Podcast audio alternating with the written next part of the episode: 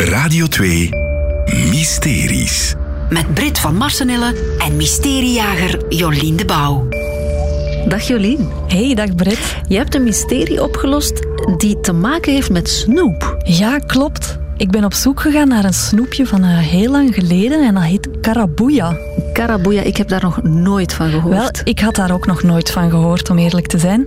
Um, wij, wij hadden een verhaal gekregen van iemand, van een luisteraar, die vertelde dat er in de jaren 50 tot de jaren 70, dus eigenlijk normaal dat wij daar nog niet van gehoord hadden, um, dat er toen op de markt van Kortrijk snoepjes verkocht werden door een man, uh, een zwarte man, Karabuya. Oké. Okay. Dus dat was eigenlijk hetgeen wij wisten bij mm -hmm. aanvang. En wij zijn dus op zoek gegaan. Hè. Wie was Karabuya en waar is Karabuya nu? nu? Um, bestaan die snoepjes nog?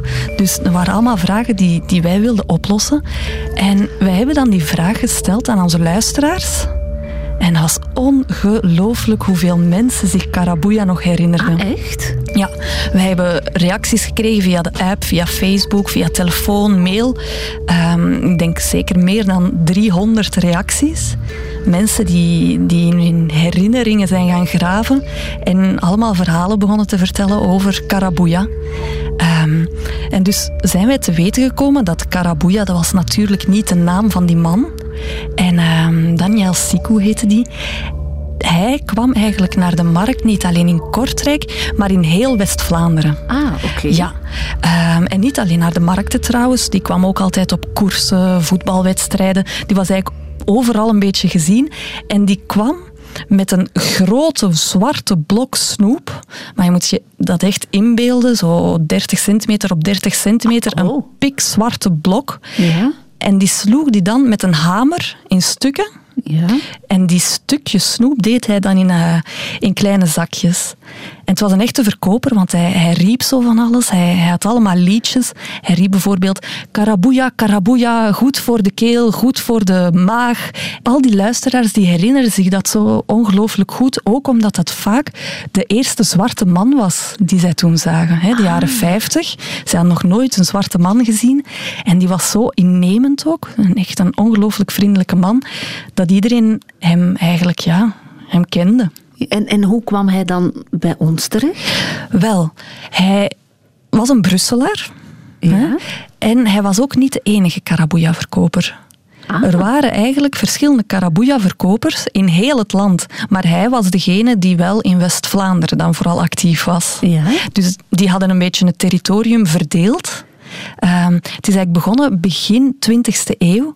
Was er één Congolees en die had een bakker in Brussel kunnen overtuigen om de overgebleven restjes suiker die zo aankoekte aan de kookpot van het snoep maken, mm -hmm. om die opnieuw te smelten en daar anijs bij te doen.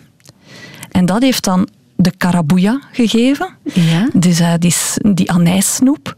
En dan zijn Congolezen die, die stilletjes aan in België begonnen aankomen en een beetje geld wilden verdienen, zijn dat dan beginnen verkopen. En er was eigenlijk een heel netwerk dan van Karabuya-verkopers. Dus over heel het land waren er Karabuya-verkopers? Ja, klopt. Echt over heel het land.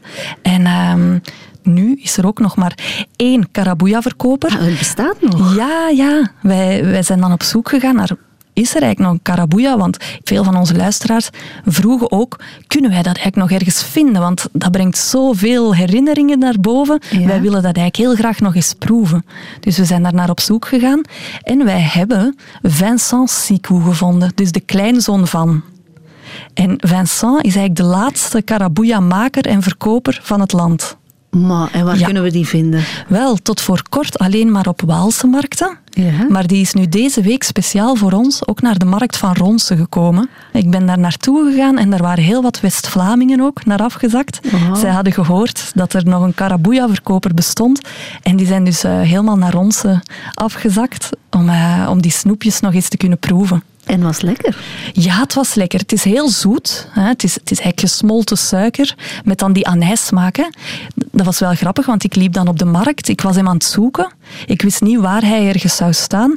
Maar ik rook die anijs. hè. Ik was aan het kippenkraam voorbij, dus die kippengeur was al achter mij. En dan rook ik plots die anijs. En dan wist ik, ja, hier moet het ergens zijn. Dus ehm, het, is, het is lekker, ja. Het is, het is echt een harde snoep. Ja. Een blokje. En ehm, je moet een beetje oppassen, want sommige stukken zijn natuurlijk heel scherp. Want hij stond dus ook echt met een hamertje die, die blokken, de brokken snoep, in stukjes te kappen. Echt zoals het vroeger was. Helemaal hetzelfde. Dus hij volgt nog het recept van zijn grootvader. Ja. En hij doet het ook nog allemaal de verkoop op grootvaders manier. Hij heeft geen groot kraam. Het is gewoon een plooitafeltje waarmee hij dan naar de markt trekt.